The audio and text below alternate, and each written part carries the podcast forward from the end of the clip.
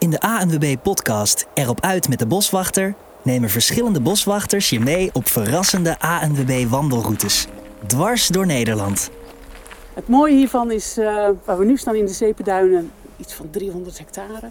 Dat een beetje, ja, ik zeg dat een soort teletubby-landschap is met hele lieve, golvende uh, duintjes, groen. Van de kop van Schouwen in Zeeland en de Oostvaardersplassen tot de overweldigende natuur van Ameland en de flora en fauna van Nationaal Park de Hoge Veluwe.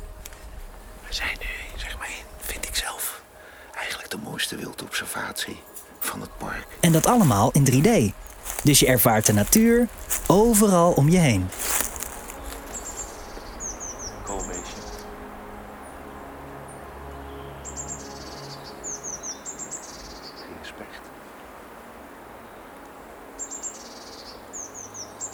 We gaan erop uit met de boswachter. Ga je mee?